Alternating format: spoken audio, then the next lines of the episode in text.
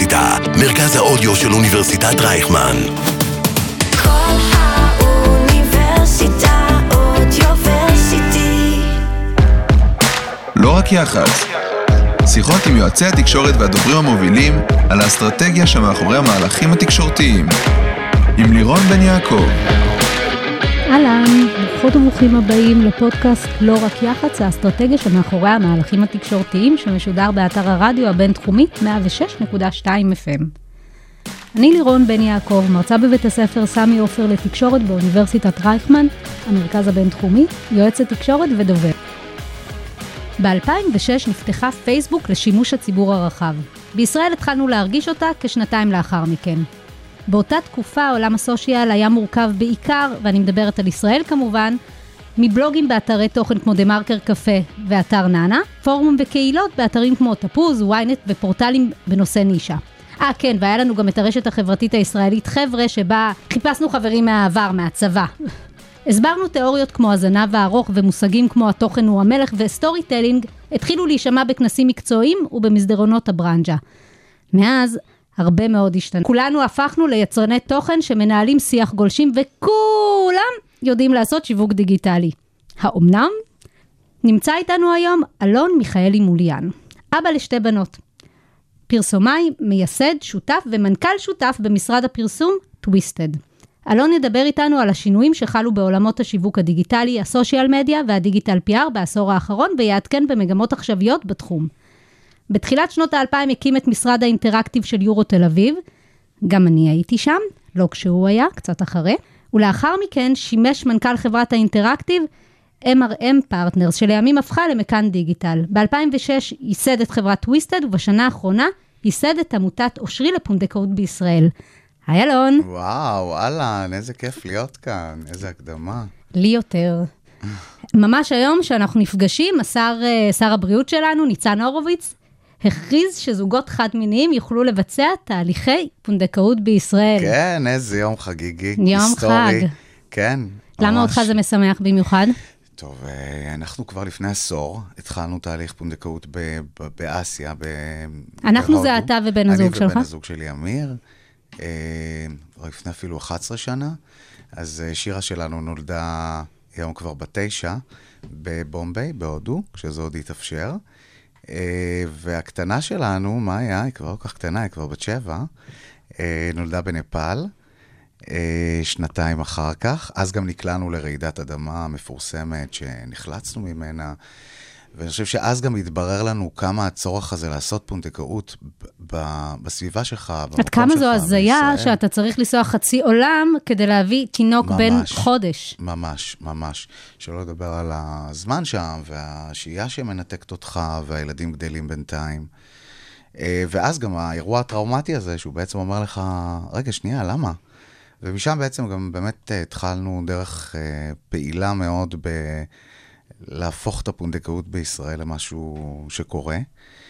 אה, בין היתר, אה, ובלי שום קשר, אה, הקמתי ביחד עם שלי ביטון את עמותת אושרי לפונדקאות בישראל.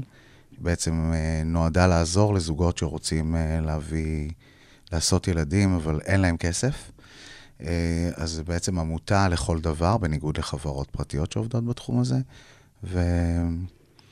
זה לא נושא השיחה שלנו היום, נכון. אבל אה, אני חושבת שאחת מה... בעצם המורכבות של אה, עמותה כזו זה להפוך את הפונדקאות ללגיטימית. נכון, נכון. בעצם שמנו לנו מטרה להנגיש אותה לשכבות הכלכליות, למקומות שבהם אנשים לא בהכרח יודעים בכלל שזאת אפשרות, או שהיא באמת לגיטימית עבורם. אנשים יעדיפו למשל באמת לנסות אה, את כל דרכי הפריון האפשרית לפני שמגיעים לדרך הזו. אה, אז אנחנו מנסים רגע, קודם כל לעזור, הקמנו קרן סיוע, ויש לנו הלוואות ומענקים לזוגות. ואז גם הנושא הזה של פונדקאות לגייז אה, נכנס, נכנסה פנימה, מתחיל בעצם מהיום. אז אה, כן, אנחנו מאוד שמחים על כל זה. מזל טוב. תודה. תודה. ואת זה אתה עושה בהתנדבות? זה בהתנדבות מלאה, מתוך באמת איזושהי שליחות. כן, ב daily job יש לך את Twisted. כן, זה ה main, main business כבר מה זה 15 שנה. Twisted היא בעצם היום משרד פרסום לכל דבר, פשוט עם מה שאנחנו קוראים לו נשמה דיגיטלית, hub דיגיטלי מאוד חזק, אה, שנוגע מעולמות של קריאייטיב ו social, פורץ דרך, ועד עולמות ה performance והמדיה וה programmatic.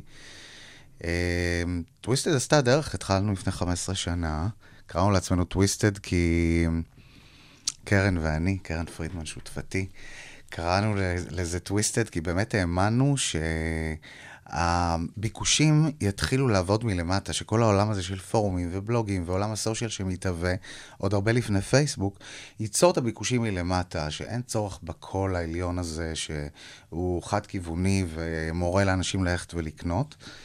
אה, אז משם התחלנו. אני חושב שכבר במקן זיהיתי את הצורך הזה אה, בלצאת רגע מגבולות הבאנר, mini-site, מקליקים, זאת אומרת, הפרסום הקלאסי הזה, הפשוט.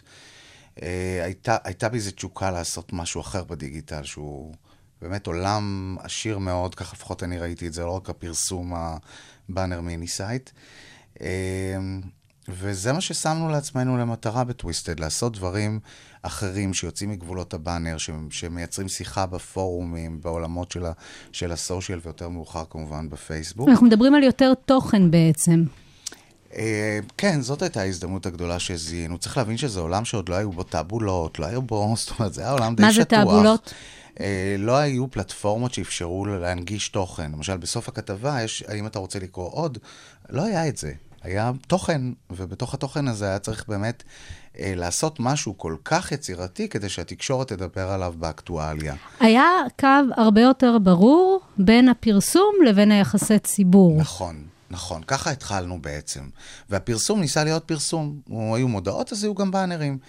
ואנחנו באמת רצינו לנסות לשלב בין העולמות האלה של, כן, לא ידענו לקרוא לזה תוכן, אבל כן לעשות דברים שהם רגע יוצאים מה... הולכים לוידאו, הולכים למקומות שבהם אנחנו באמת יכולים להניח איזה פצצה ולתת לדבר הזה להתחולל. אה, היינו הראשונים שחילקנו מתנות לבלוגרים ב-2006, זה דבר שאפשר לגגל ולראות כמה שיחה זה יצר בזמנו. מה אותנו, זה היה? האשימו אותנו שאנחנו, זה היו נדמה לי מוצרי אהבה של ים המלח, שהחלטנו למפות כמה בלוגרים ולתת להם לדבר על זה. והדבר הזה יצר, אה, עצם הפנייה עלתה בתקשורת ויצרה שיחה מאוד גדולה על זיהום בעצם הבלוגספירה, ואיך העיתונאות הקלאסית, כזאת שמשחדת בלוגרים, נכנסת לתוך לא, כי לשלוח עיתונאי לאיזה כנס בטיזין שלוח בנושא איזוטרי, זה לא לשחד את העיתונאי באותה תקופה. נכון, היה איזשהי משהו כזה מאוד תמים, שלא אפשר את חציית הגבולות הזאת, ואנחנו עשינו אותה. והיום, כשיש עולם של משפיענים, זה נורא טריוויאלי. אבל היום גם יש את הגילוי הנאות. נכון, נכון. שוב, לא בכל המקרים, הדבר הזה עדיין, אני חושב, הוא מאוד... אה, אה, עדיין אפור כזה, זה לא ברור בכל המקרים, אה, וצריך להיות יצירתיים כדי שזה גם אולי לא יהיה ברור כל כך, אוקיי? צריך להיות קצת יותר... אה... מי היה הלקוח הראשון שלכם? הלקוח הראשון, אני אגיד מי היה הלקוח הראשון שעשינו איתו באמת את המהפכה, והרגשתי שאנחנו עושים משהו שהוא רגע חורג באמת, הוא לוקח את החזון הזה שאיתו יצאנו לדרך, ובאמת uh, פורט אותו. זה היה עם uh, מהלך שעשינו לכללית. Uh, uh, הבריף היה אז בריף אחות הריון, שמלווה בעצם את האישה בתהליכי ההריון שלה בכללית, זה מה שהושק בעצם, זה היה המוצר. ומה שאנחנו עושים זה בעצם קריאייטיב של אישה אחת, שקוראים לה שרה ויינשטוק, שמחליטה לפתוח בלוג, נקרא לזה בלוק, ולצאת בעצם למלחמה במדיה החברתית, מה שהיה אז פורומים ובלוגים, כנגד אה, כללית עם השירות הזה, שבעצם מרחיק אותה מהבת שלה, מייתר אותה למעשה. אה, זה בעצם ישב על תובנה של האימא שיושבת צמוד, צמוד, צמוד, צמוד. לבת שלה, ומישהו פה בא ו- ושם לה עכשיו את הפתרון הזה, שבעצם היא לא תצטרך יותר לשאול את השאלות ומה קורה ומה זה. אה, וזה באמת מהלך שייצר שיחה, זכה בפרסים, באמת הוציא רגע את המקום הזה של לא חייבים קמפיין אה, באנרים לצורך העניין, אה, כדי לעשות אה, תוצאה. אז אה, זה המהלך שאני חושב הראשון ש... עם כללית בכלל עשינו הרבה פריצות דרך בתחילת דרכנו. מאוד הוא... מפתיע, לא? כן, אני חושב שזה עם הזמן הפך להיות הקטע שלנו קצת. לקחת רגע איזו חברה כזו גדולה, מותג ענק. מאוד או, ממסדית, או, מאוד או שמרנית. ממסדי, שמרנית, כבדה, שירותי בריאות, כללית, באמת מותג שלפני 15 שנה, אנחנו מדברים, אפילו עשור, אה, ארגון מאוד כבד. לקחת אותו רגע, להביא לו את החדשנות, לעכל את החדשנות הזו ולהגיד לו, הנה, בוא רגע שנייה נעשה את זה.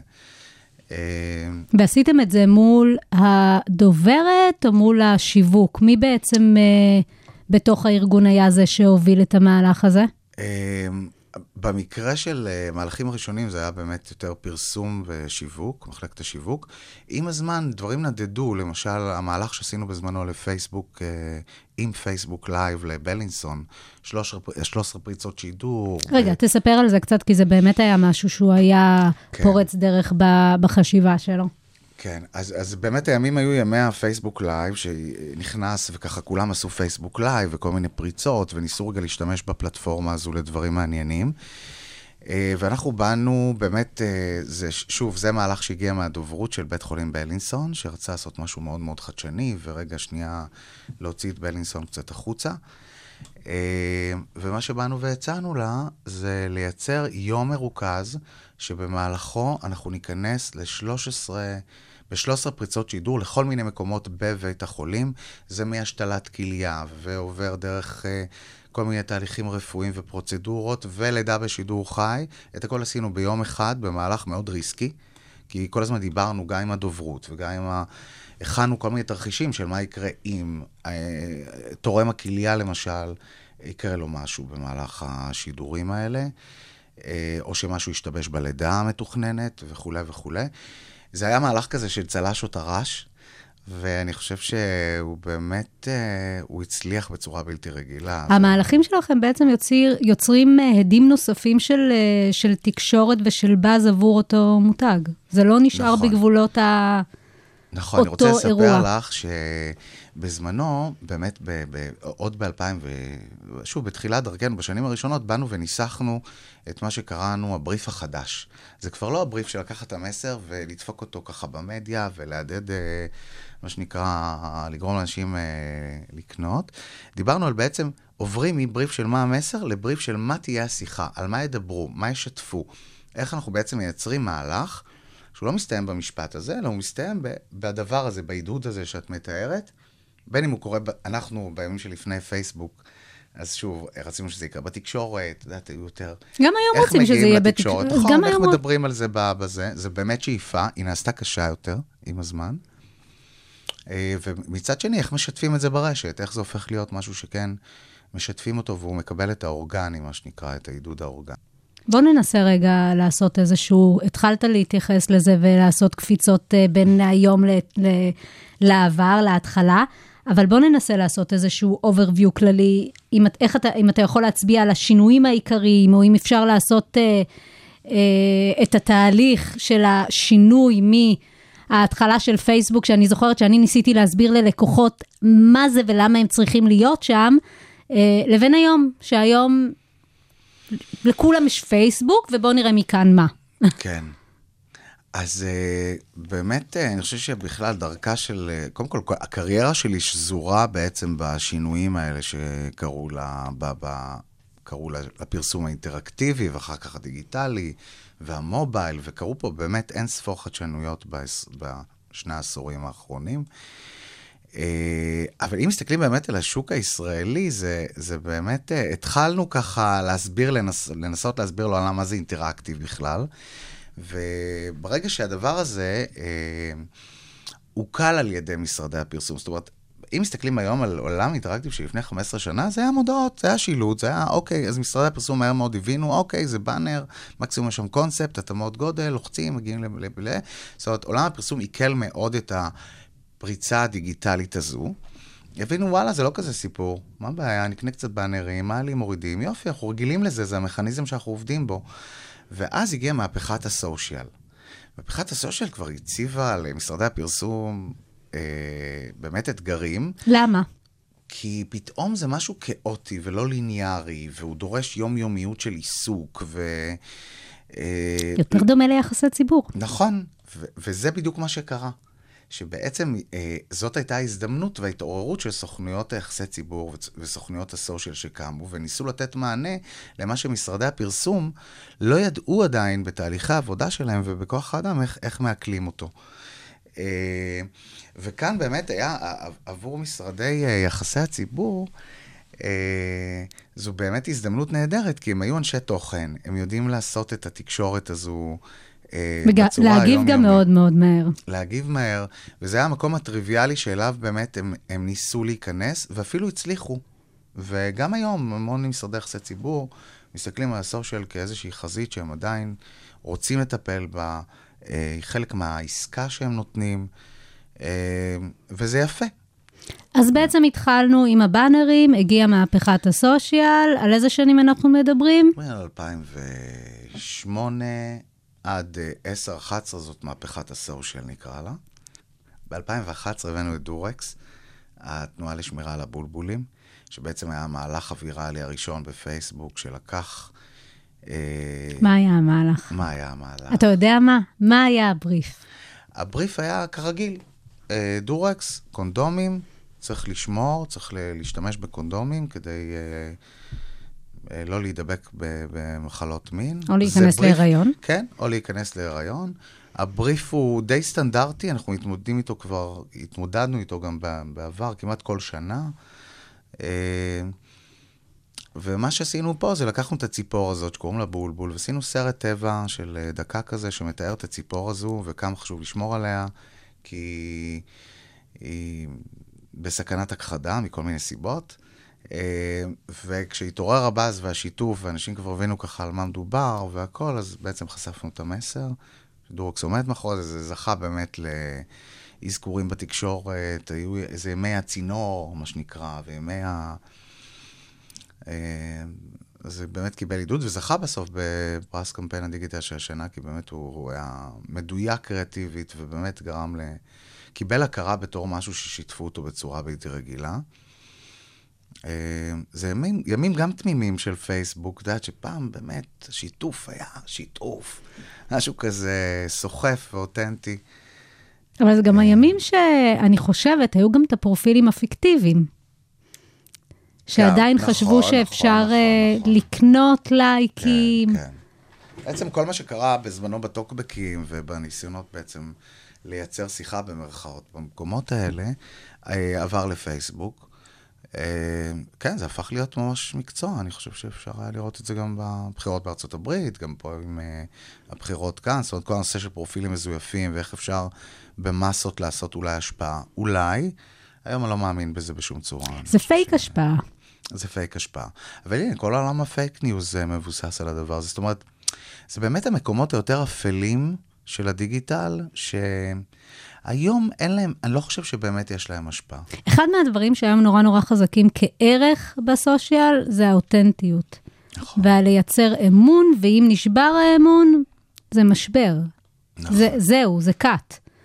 ואז זה עדיין לא היה מובן. נכון.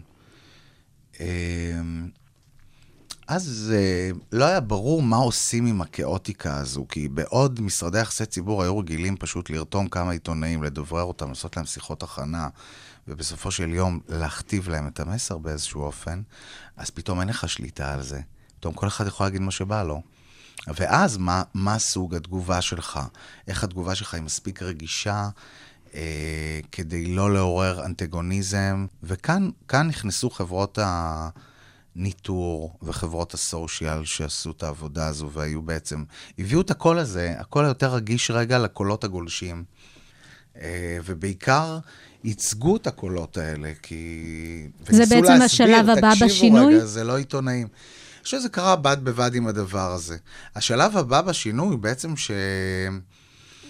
כל עולם הדיגיטל עובר לעולם של אה, המון עבודה שהיא מוטת תוצאות. זאת אומרת, פתאום אה, מכל השפע הזה והתוכן והעניין הזה... יצירתיות. היצירתיות וההדבקה של האנשים לתוך הפייסבוק בגלל תוכן טוב ויצירתי,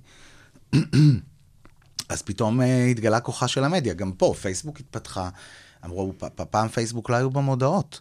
פתאום פייסבוק נהייתה מפלצת מודעות, הונפקה, עשתה, זאת אומרת, קנתה עוד ועוד אה, חברות. בדיוק, ובעצם עולם המדיה חדר לתוך הסושיאל בצורה מאוד אגרסיבית, וגם איתה משרדי הפרסום אה, בעצם חזרו למקומם הטבעי.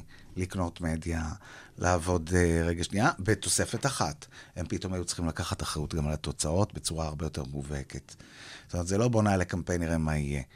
אלא, אוקיי, אנחנו עובדים בלייצר את הלידים, לייצר את התוצאה. אה, וזה בעצם כאילו, הדיגיטל זה אפשר להם, ה... אה, הדיגיטל אפשר להם אה, לספור בצורה הרבה יותר מדויקת את התוצאות. כן, זה, זה, זה תמיד היה, פשוט נהיה, נהיה פתאום איזשהו נפח ואפשרות למדוד את זה בצורה הרבה יותר מדויקת, כולל אה, המרות שנעשו באופליין למרות החשיפה בדיגיטל. זאת אומרת, דברים שהם יותר אה, כאלה. אבל אני אומר, המ, השינוי ההתפתחותי בדיגיטל בחמש, שש שנים האחרונות, הוא בעיקר, בעיקר הכניסה של המדיה. אה, ובעצם ההבנה שהתקשורת מול הלקוח שלנו יותר מורכבת, זה לא, היי, בוא, תקשיב, יש משהו מגניב, תן לי את הטלפון שלך, אני אדבר איתך, אני אנסה למכור לך את זה אחר כך. זה באמת איזשהו מסע לקוח, אני מראה לו פרסומת, אני מגיש לו כתבת תוכן, אולי אפילו איזושהי כתבה יחצנית, ואחר כך רק אולי אני אציע לו, בוא, תקשיב רגע, אני אבשל אותו, אני אחמם אותו. זאת אומרת, משהו קרה בכל המובן הזה של איך פוגשים את הלקוח, מה אומרים לו, בתוך הסושיאל מדיה, בתוך רכיבי המדיה האלה, אה, שהוא ככה עיצב מחדש את הפרסום, אה, הדיגיטלי לפחות. אה, ובזמן הזה אני חושב שגם יש את מהפכת התוכן, זאת אומרת, כל נושא הטאבולה והאוטבריין, הפלטפורמות שבעצם מאפשרות הפצה של תוכן בתשלום בתוך התוכן המערכתי. אה, אז, אז גם כאן, יש חברות יחסי ציבור שבאמת לקחו על זה את הבעלות ואמרו, אוקיי, זאת ההזדמנות שלנו. זה יש תוכן, זה סושיאל ויש כתבות. תוכן, ואני רגע שנייה אציע פה את כל המעטפת הזו. אני באמת לא מספיק מעודכן כדי לדעת מי עושה את זה היום ממש טוב, אבל יש פה הזדמנות באמת אמיתית, כי אנשי יחסי ציבור הם אנשי תוכן בסוף. מה שהם צריכים להבין זה ששוב, עדיין נגמר עידן התיווך, צריך לעשות את זה בצורה אה, קצת אחרת, ושם נמצאת ההזדמנות. זאת אומרת, איך לוקחים ידיעה יחצנית והופכים אותה לפעילות אה, פעילות סושיאל, או איך הופכים אותה לתוכן שיודע לפרוט את הכתבה, את הקומוניקט הזה, למשהו שמסביר מה זה המוצר, למה טוב לקנות אותו, או איך ממחישים אותו. וללקוח הסופי, לא לעיתונאי. נכון, נכון. אה, אז זה, אז זה עוד משהו שקרה, זאת אומרת, יצרני התוכן הם היום לא רק משרדי הפרסום. אה, דיברת לפני כן אה, על חברות ניטור, ובכלל על ניטור של שיח, שאני חושבת שזה סוג של בסיס, זה העיניים והאוזניים של כל מי שעוסק אה, בתחום הזה. אה, וטוויסטד הייתה מהסוכניות הראשונות שהתחילו בכלל לנטר שיח ברשת. מה זה אומר? נכון, וואו, זה באמת היסטוריה. אה, אנחנו כבר ב-2008, עם כל מהפכת הסושיאל הזאתי, הבנו שיש שם אוצרות. זאת אומרת, בעוד אה, אנשי המחקר מכניסים אנשים לחדר ועושים קבוצות מיקוד, ומנסים בעצם להבין כל מיני תובנות ממשהו מאוד ממוסגר, שיש בו הטיות ורצייה חברתית, ו...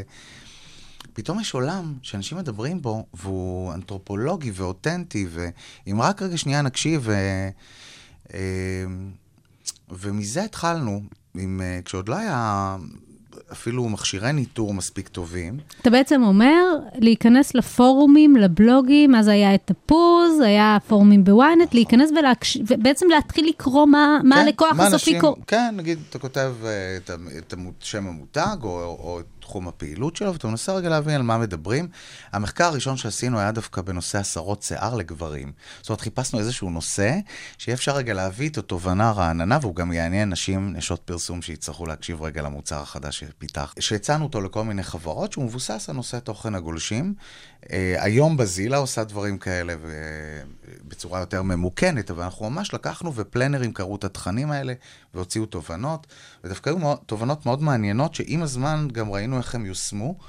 אה, בנושא הסרות שיער לגברים, זאת אומרת, אז הייתה תפיסה כזו שהסרות שיער לגברים זה גברים, חלקים, יש כזה...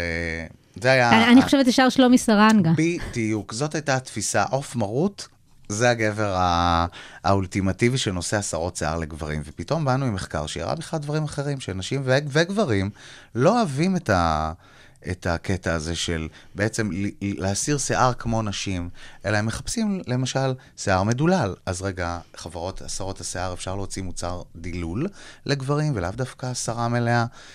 אה, דובר אז, אה, היה פשוט באמת פורץ דרך, ודובר אז על נושא הסרת השיער מתחת לקו החגורה אצל גברים, שזה משהו שאצל נשים מתפוצץ בסקס ועירה גדולה, ובברזיליאן ובזה, ופתאום אין אצלו מענה, ופתאום אתה רואה איך ב- ב- ברשתות זה מדובר, והיום מגישים לי כל היום אה, מוצרי הסרות שיער ל... מתחת לקו החגורה. אז, אז באמת, יש בתוכן גולשים את מה שאנחנו לפעמים לא יודעים שאנחנו לא יודעים. ואת התובנות האלה, אם עושים את זה כמו שנכון, כמו שצריך, ודוגמים את התוכן הזה, ו- ומנתחים אותו כמותית ואיכותית, אפשר להוציא שם באמת אה, דברים מדהימים.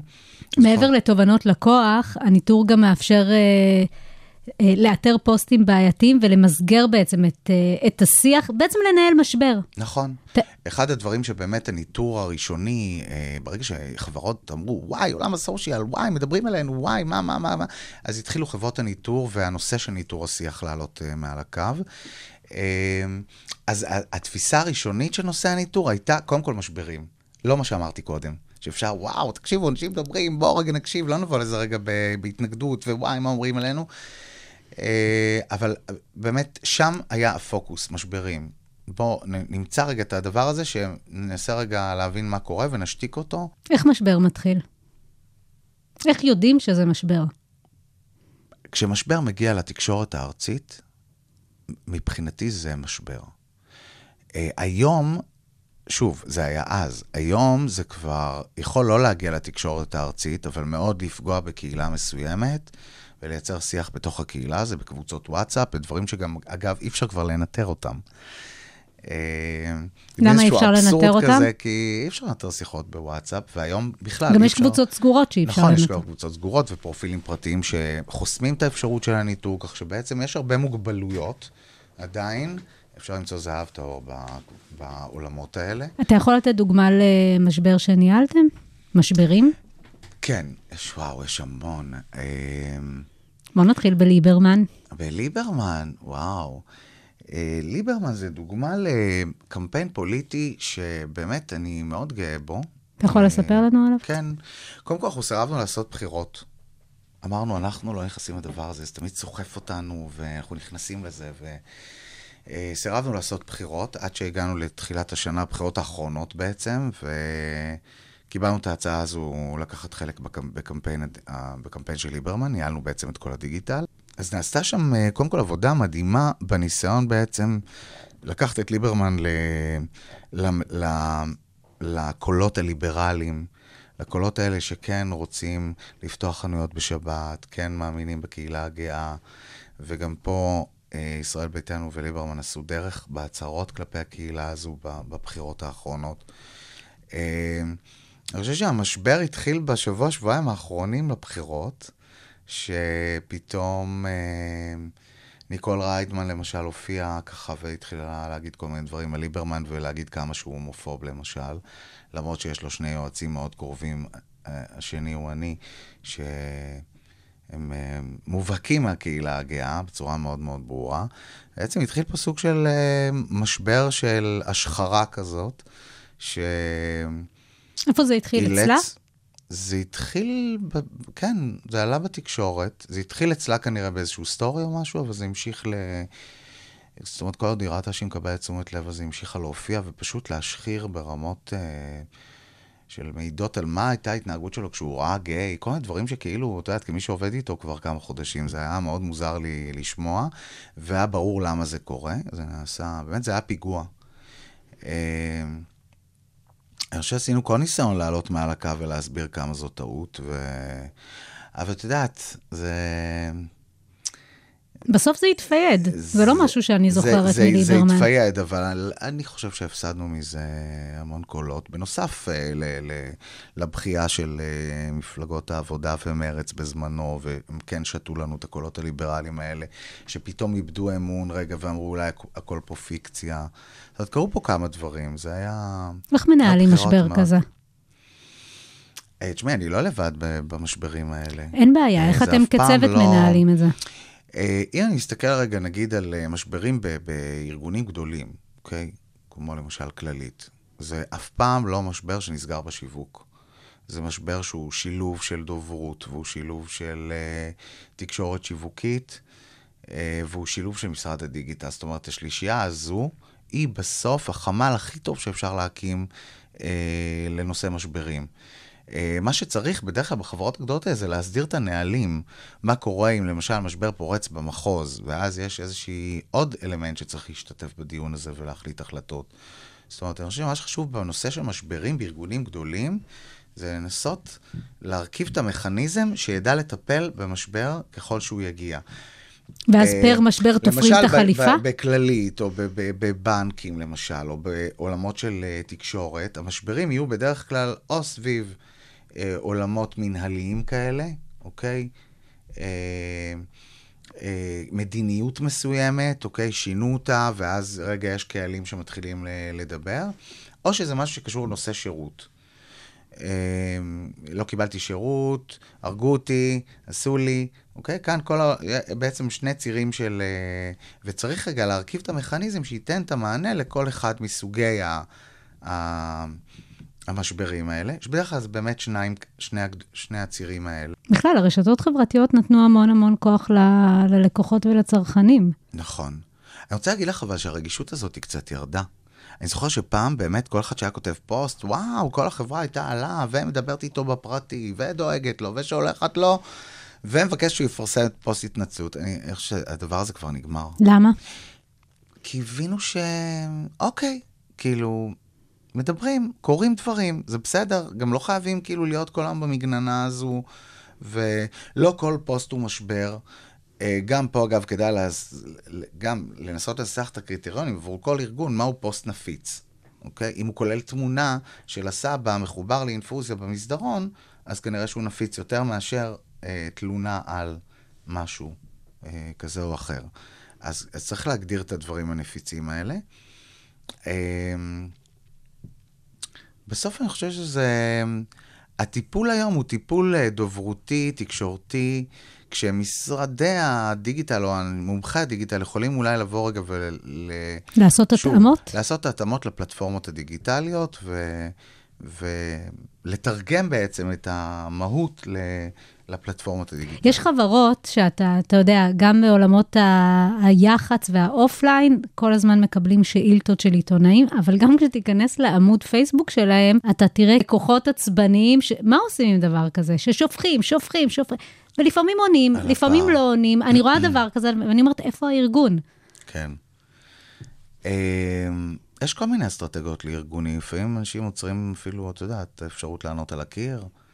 מה אתה חושב על זה? אני חושב היום שלא כל פלטפורמת סושיאל צריכה להיות כאילו פח הזבל של, אה, אוקיי? אה, מה שצריך לעשות זה כן לתת לזה מקום, אבל לא לתת לזה במה, אוקיי? אני חושב שזה הבדל מאוד משמעותי. אה, ובעיקר, לא צריך להיות במקום שבו רק סופגים, סופגים והופכים את, הפלטפורמה הסוציאלית ל- למקום הזה, אלא ההפך, לצד זה צריך לעשות ולקדם ולעשות פעילויות, וכן אה, לחיות את המותג.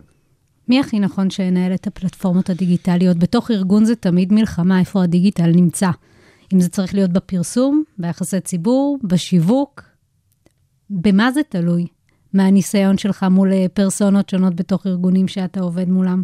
כן, אני חושב שזה תלוי באנשים, ומי האנשים, זה לא כל כך מעניינים. הם... מן הסתם, אני חושב שמשרדי הדיגיטל היום אה, יכולים להכיל את כל המורכבות שהיא לא רק תוכן, היא כל הנושא של מדיה ופרסום, ואיך באמת, כאילו, מצמיחים את העסק הזה מעבר רגע לעניין ה-PRי שלו. אה, אבל זה איזושהי התלכדות, שכאילו עבודה טובה יכולה להיות של משרד פרסום עם יח"צ, זה עבודה מהממת. אחד יחשוב על רעיון מספיק גדול כדי שהמשרד ימנף אותו. אנחנו היום לא עושים את זה. היום אה, משתפים פעולה עם, אה, עם משרדי היח"צ, או חברות שבאמת זה חשוב להם, אנחנו עושים איתם עבודה. צריך יותר, צריך יותר לעשות את זה. כל אחד יכול לעשות שיווק דיגיטלי. כי יש לכאורה- תחושה שכל מי שאתה יודע, לכאורה, כן, זה, זה הדבר הזה, הפרוץ כל כך, שהיום כל אה, חמודה בת עשר היא טיקטוקרית, והיא עושה דיגיטל. היא עושה, she's it. עכשיו, האם זה הפרסום המותגי הקלאסי, מה שיבנה מותגים? כנראה שלא. אבל אה, כן, כל אחד יכול היום להביא איזה... זאת ההזדמנות שהבטיחו לנו ב... במדיה החברתית. אז אם התחלת עם זה שהדבר הראשון שעשה המון רעש שעשיתם זה שנתתם מתנות, מה היום יכול לעשות את הרעש הזה? פנייה למשפיעניות? סליחה, וואי. כבר לא קוראים לזה משפיעניות, יצרניות תוכן. כן. אה, וואו, התקלת אותי עם השאלה הזאת, כי אני אגיד לך מה, אני לא כל כך אה, מאמין בזה, בעולם של משפיענים. אני חושב שרוב מי שקורא לעצמו משפיען הוא כבר פסול בעיניי, כי זה אומר שהוא נשחק. זה אומר ש... ואני רואה את זה. זאת אומרת, בסוף אתה משלם אלפי שקלים לאיזה מישהי שמעלה איזה סטורי, עושה טובה, זה נקבר בין 20 סטורי שלה ביום, שנקבר בין אלפי סטוריז אחרים. לא בהכרח אפקטיבי, כי היא כבר מלכתחילה מריחה שרופה. אה, זה תלוי, ת- כמו כל, בכל דבר, תלוי עם מי ומה. כל תופעת המשפיענים צריך רגע, מה שנקרא, אם אתה פוגש מש- משפיען פרש שלא קורא לעצמו כזה ואתה נופל עליו, איך תיפול. עליו? בסדר, אני אומר, את יודעת, יש בעולמות של נגיד, אנחנו עובדים עם מטרו מוטור, בעולמות של אופנועים וזה, תמיד אפשר למצוא איזה מישהו כזה פרוש. אבל בעולמות של כאילו עוד אחת שמקבלת מיליון מוצרים, והיא שוב, לא יודע, זה גדול עליי. אני חושב שהפוסט מגמה הייתה מיקרו משפיענים. עברו להגיד, אוקיי, אז בואו לא נלך לשרופים האלה, נלך לכל מיני קטנים וזה וזה ונעשו. זה לא הוכיח את עצמו. אני גם לא ראיתי פה תוצאות uh, מדהימות. Uh, שוב, זאת שאלה. זאת שאלה למה ולאיך, ולא הייתי מבסס פעילות. אז. מה הדבר הבא? וואו, הדבר הבא... תראי, מדברים כולם על מטא ועל ור ועל כל העולמות האלה של מה יקרה פה עם ה... אה, אז אני חושב שכל עולם ה-AR, אם אני צריך להיות כאילו רגע, כל עולם המציאות הווירטואלית, וזה לפחות מסתמן כהדבר הבא. האם אני חושב שזה יחזיק? זה נשמע לי יותר כבאז לאנשים ש... אחד, ברנז'ה. כן. שתיים, אני לא רואה איך זה בסוף פוגש את אימא שלי לצורך כן. העניין. טוב, אמרו את זה גם על טוויטר. אימא שלי לא בטוויטר, כן. ובטוויטר נמצאים ה-1% מכלל המשתמשים נכון, ב... נכון, ואת זוכרת שזה התחיל? כמה דיבור היה על זה? היה דיבור, כי מי משרדי דיבר על זה? הפרסום שאלו את עצמם איך פותחים, אותו מה 1% פותחים, מה שעדיין שם, נכון, בסדר. נכון. אז אני חושב ששם שם זה, מסמנים את זה. אני חושב שהעולם הולך לאותו סיפור, למצוא את הסיפור שיצליח להדהד אה, במדיה החברתית, בתקשורת. שוב, אנחנו חוזרים לספר את הסיפור ולהשתמש במדיה כדי לנסות להעצים אותו. אה, אני חושב שיש פה איזושהי חזרה ל basic. אני לא רואה פה איזה... בעולמות של, שלנו, של יחסי ציבור, של תוכן, אלה העולמות. לצד זה יש את החדשנות במדיה, שגם היא, שוב, יש את אה, פייסבוק ואינסטגרם, אפשר לטרגט אה, בסטוריז. אוקיי, זה, פחות או יותר שם. מה הקורונה עשתה לעולם הדיגיטל? וואו, התפוצצות על עולמות הקומרס, עולמות ה... בכלל, כל ה... הרבה תקציבים הוסטו לדיגיטל. משרד... המשרדים מאוד אה, שפעו מהעולמות האלה של הקורונה. אבל זה יצר גם אה, קריאטיביות מיוחדת, או שפשוט זה היה אה, מכירות, מכירות, מכירות, ובואו נראה אם לא, יש הלידים עבדו. מקומות כמו אה, משרד הבריאות שעשינו את המהלך של קובידון, שזה בעצם סוג של... אתה יכול לספר לנו, להרחיב כן. קצת על המהלך הזה? כן, הבריף הזה היה מאוד פשוט, הימים ימי סגר ראשון, כולם מדברים על הפחד הזה מהקורונה, ויש אה, ממש אווירת פחד באוויר ומסרים. זה, וחיפשנו דרך להקליל את הסיפור הזה ולהעביר את המסרים של ריחוק ובידוד ו... אה, בצורה יצירתית, הומוריסטית בעיקר, להביא קצת אה, קלילות לסיפור הזה, והמצאנו דמות של קובידון, שהיא דמות שמסתובבת ובעצם מאוד מרוצה מהסיפור הזה שאנשים מתחבקים ונפגשים ועושים דברים. סרטון בעצם שמהר מאוד הפך לוויראלי, אפילו הגיע לסין דרשה שיסירו אותו, משרד הבריאות עשה זאת.